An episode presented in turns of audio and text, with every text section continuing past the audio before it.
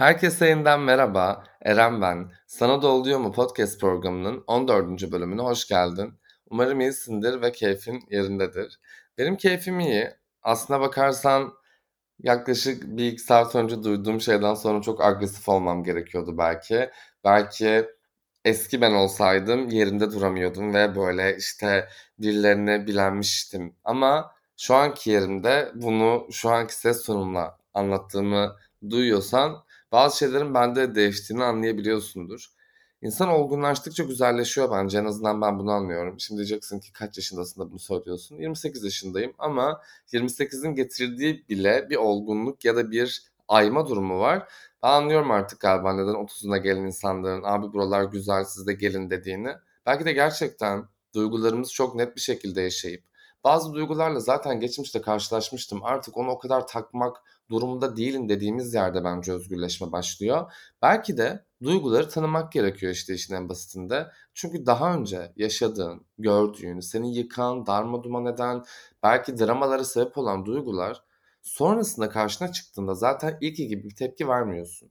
Kesinlikle daha yüzeysel tepkiler veriyorsun diyebilirim. Ama şimdi kendi travmalarımı bir geçelim, asıl konuya gelelim istiyorum. Bugün empatiyi konuşacağım. Ah şu empati gerçekten hayatımın her döneminde olan, gururlandığım, insanları davet ettiğim güzel empati. Bugün empatiyi konuşurken empatinin benim hayatımda ve muhtemelen benimle aynı duyguları paylaşıyorsan senin hayatında da yaşattığı ya da yaşatabileceği tahribatlardan da bahsedeceğim. Çünkü her şeyin fazlası zarar sözü burada da devreye girecek. Empatinin de fazlası zarar olabilecek ya da oldu zaten ben şu an bunu yaşıyorum çünkü birebir de. Bu yüzden Bilenler için, bilmeyenler için, hepimizin belki tekrardan hatırlaması için empatiyi sözlük anlamıyla bir okumak istiyorum.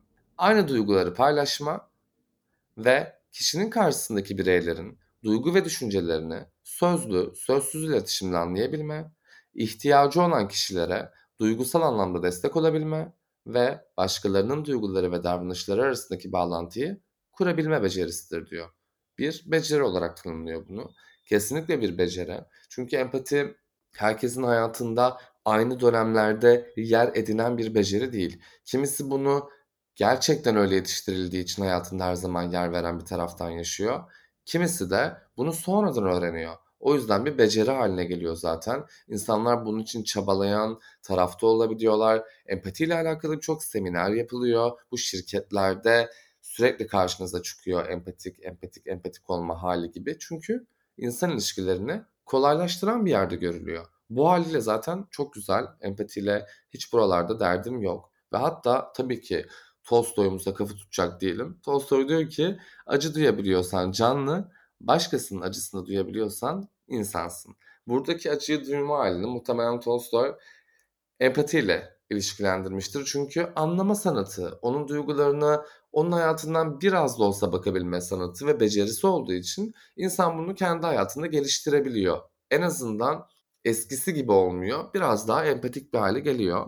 Ama tabii Tolstoy bunu dedi ve ben muhtemelen Tolstoy'u şu an yaşasaydı ve tweet atsaydım bana gülerdi belki de. Belki de hiç bunu demek istememiştir ama en azından bana verdiği etki empati yönünde bir etkiydi. İşin şakası bir yana ben gerçekten kendimi bildim bileli hep empatiktim. Bu çok zor aslında. Şu anki baktığım yerden çok zor olduğunu görüyorum. Çünkü ben aşırı yorgun hissettiğim bir dönemden geçtim. Bu yaklaşık böyle uzun bir sürem aldı açıkçası. Hiç yalan söylemeyeceğim. Bayağı uzun bir süredir aslında fiziksel değil ama zihinsel olarak yorgun hissediyorum ve hissediyordum. Bu geçmiş bir his değil. Şu anda da olan bir his aslında. Şu anda çok böyle mükemmel hissetmiyorum. Yine zihin olarak karmaşık hissediyorum ama artık bundan korkmuyorum. Çünkü kendimi dinlemek ve kendimi dinledikten sonra da aa tamam yani burada bir sorun var ve artık bunu çözebilirim ya da evet artık bir yetişkine bunun sorumluluğunu alabilirim noktasında bununla yüzleştim. Empati yorgunluğuyla yüzleştim. Çünkü dediğim gibi ben başından beri empatik olduğum için ve başından beri bu beceri olduğu için bende ben bunu hiç sorgulamadım. Zaten o ne güzel işte yani. Herkes bir noktada empatik olmaya bu kadar çalışırken bu beceri zaten sende varsa niye bu beceriyi sorgulayasın ki? Sen genel olarak insanların sorunlarını dinlemeyi seven, insanlara yardımı seven, belki danışılan olmayı seven ya da onların sorunlarını dinlerken çok fazla içsel, içselleştiren, belki onlardan daha fazla o sorunu yaşayan ve en az onlar kadar hassaslaşan bir taraftaydın ve bu sorun değildi tabii ki. Her insan bir şekilde iyi bir insan olmak için diğerlerine daha fazla iyi davranmalı ki kabul edilsin çünkü. Yani bir insana kendini sevdirmek istiyorsan onu gerçekten çok sahiplenmelisin ya da onun sorunlarını kendi sorununmuşçasına dinlemelisin. E çünkü bu sana insan kazandırır gibi saçma sapan benim girdiğim mantığa giriyorsun. Ben bu mantığa tabii ki kendi başıma gelmedim ya da böyle yaşamak istediğim için bunu tercih ettiğim için olmadı bu. Bu tamamen hepimizin belki çocukluğuyla çok ilgili bir durum. E çünkü herkes herkesi dinleyebilir. Bir sorun anlatır arkadaşın sana. Sen o soruna çözüm arayabilirsin o masada. Ya da onu gerçekten sadece rahatlatmak için tamamen dinleyip o konuyla alakalı ona yorumda bulunabilirsin ki maksimum bu olmalı. Ama o masadan kalktıktan sonra bu bencillik değil zaten ki ben bunu bencillik olarak görüyordum. O sorunu o masada bırakmalısın. Evet o sorun senin sorunun olmadığı için bırakmalısın. Yetişkin ilişkilerde zaten bir insan o sorumluluğu kendi taşımak zorunda. Son dinlesen de dinlemesen de yardımcı olacağın kadar olup onu rahatlatıp oradaki anda onun yanında olup sonra evine gittiğinde bu sorunu eve götürmemelisin. Bu eve iş götürmek gibi gereksiz bir nokta. Orada zaten çalışıyorsun eve iş getirmek de aynı şekilde. Bir de gelip evdeki hani ortamı işe döndürüyorsun. Burada da aynı hesap var. Sen arkadaşını dinliyorsun. Onun sorununu aşırı içselleştiriyorsun. Sonra geliyorsun eve. O sorunu sen de düşünüyorsun. E ne oldu? Bu senin artık arkadaşının sorunu değil. Bu senin artık bir ortak sorununuz oldu. Ve sen dış kapının dış mandalıyken oldu. Ya diyelim arkadaşın bir işte sıkıntı yaşıyor. Örnek veriyorum bunu. Onun yanında olabilirsin. Ona akıl verebilirsin. Aynı yerde çalışıyorsan bundan kendin etkilenmek çok zorunda değilsin. Çünkü o sorun ona ait ve artık onu kabul etmesi gereken bir sorun. Sen bunu çok içselleştirip, çok büyütüp, kendi sorununmuş gibi, kendi böyle o şikayet ettiğin noktaları da belki göklere çıkartıp onunla aynı sorunu paylaşıp sen de bir yerden soğuyabilirsin. Ama o sorun onundu. Neden bu kadar aldın ki? İşte kendime bunu sorduğumda yer yer çok üzüldüm aslında. Neden bunu yapmış olabilirim ki ve neden bunda sorun aramamış olabilirim ki? Beni buna iten şey ne olabilirdi ki gerçekten? Ne yaşanmış olabilirdi yani çocukluğumda? Çünkü ben çocukluğumdan böyle çok şikayet edercesine hatırlayan ya da nasıl diyeyim evet ya birçok insanı dinlediğimde aa evet daha az travmatik diyebileceğim bir noktada olabilirim sadece. Ama çok kötü olaylar evet yaşamadım. Yine de o çok kötü olaylar dediğimiz belki şu an işte hep gündemde dönen bizi çok fazla rahatsız eden haberleri yaşamamak demek de duygusal olarak bir yerde eksik olup olmadığını sana habercisi olmuyor. Ben de duygular noktasında o toplumun atfetmiş olduğu rollere bürünmek noktasında kendi varoluşumla kendimi kanıtlamak durumunda kalma noktasında empatiye başvurmuşum. Belki bana böyle öğretilmiş çünkü. Bu genelde ben de bunu araştırdığımda ya da bununla alakalı şeyler okuduğumda çok şaşırmayacağım bilgilerle karşılaştım zaten. Çünkü bunu yaşayan insanlar genel olarak hep şu tarz şeylerden bahsetmişler.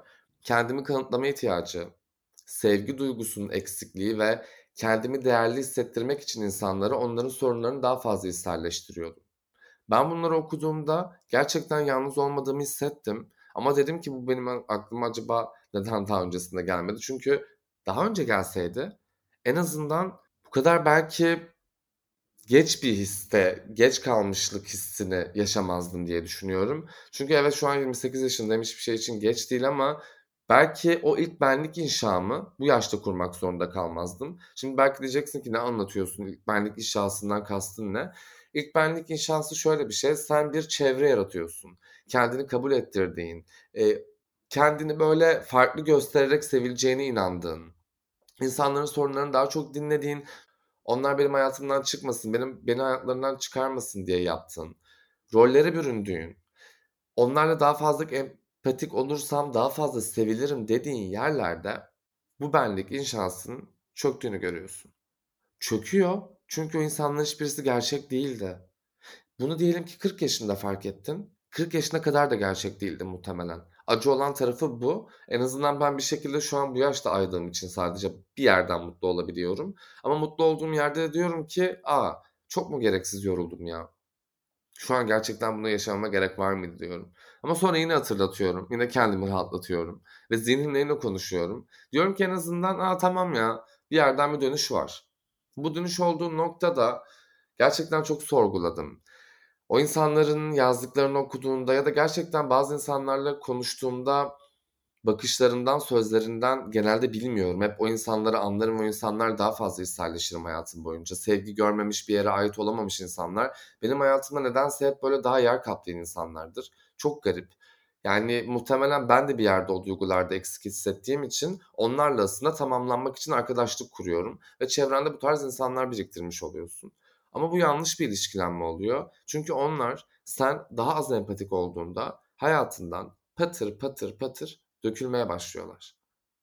Bu çok acı. 28 yaşında birçok insanı kaybetmek kimse bence istemez.